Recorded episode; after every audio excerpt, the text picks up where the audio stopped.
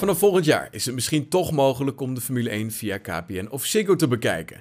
Zo meldt in ieder geval Total TV. Nou, de Nordic Entertainment Group, de partij die de uitzendrechten voor de aankomende jaren heeft bemachtigd, die onderhandelt namelijk met KPN en Ziggo over een mogelijke samenwerking. Ja, volgens de doorgaans goed ingevoerde Chris Woerts onderhandelt het moederbedrijf van Viaplay dus met deze partijen. De nieuwe eigenaar van de uitzendrechten wil Formule 1 in Nederland namelijk op een laagdrempelige manier aanbieden aan de kijker. Toegang via Ziggo of KPN zou dan één van de belangrijkste kanalen zijn.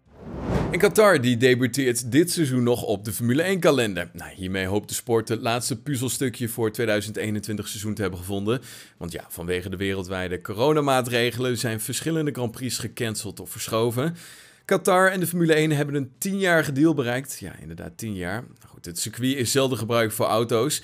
2009 werd er wel een keer een ronde van de GP2 Asia Series verreden met Nico Hülkenberg en uh, Sergio Perez als winnaars. Nou goed, ondanks de toevoeging van Qatar aan de kalender is het natuurlijk uh, niet met zekerheid te zeggen dat er geen veranderingen meer worden doorgevoerd aan de kalender vanwege de huidige pandemie. En volgens Christian Horner heeft George Russell zich bewezen als talent voor de toekomst en zal hij dan ook met fascinatie naar volgend jaar kijken als de jonge Brit bij Mercedes rijdt. Teambaas van Red Bull die denkt ook niet dat Russell trouwens de rol als wingman van Lewis Hamilton op zich zal nemen.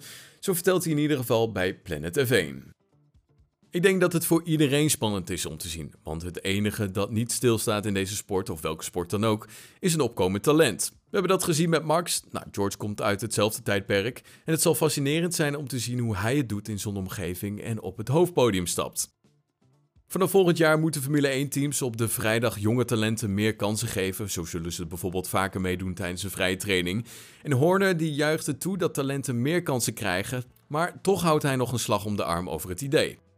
Je hoopt dat de jonge coureurs op basis van talent in de auto zitten in plaats van beschikbare financiën. Maar ik denk dat het positief is dat jonge coureurs op deze manier een kans krijgen. En goed, dat was hem dan het GP nieuws van de vrijdag. Heb je genoten van deze aflevering? Vergeet ons dan zeker niet te volgen op Spotify of Apple Podcast. En dan zie ik je gewoon weer bij een gloednieuwe aflevering hier op GP Fans. Tot dan. Hoi.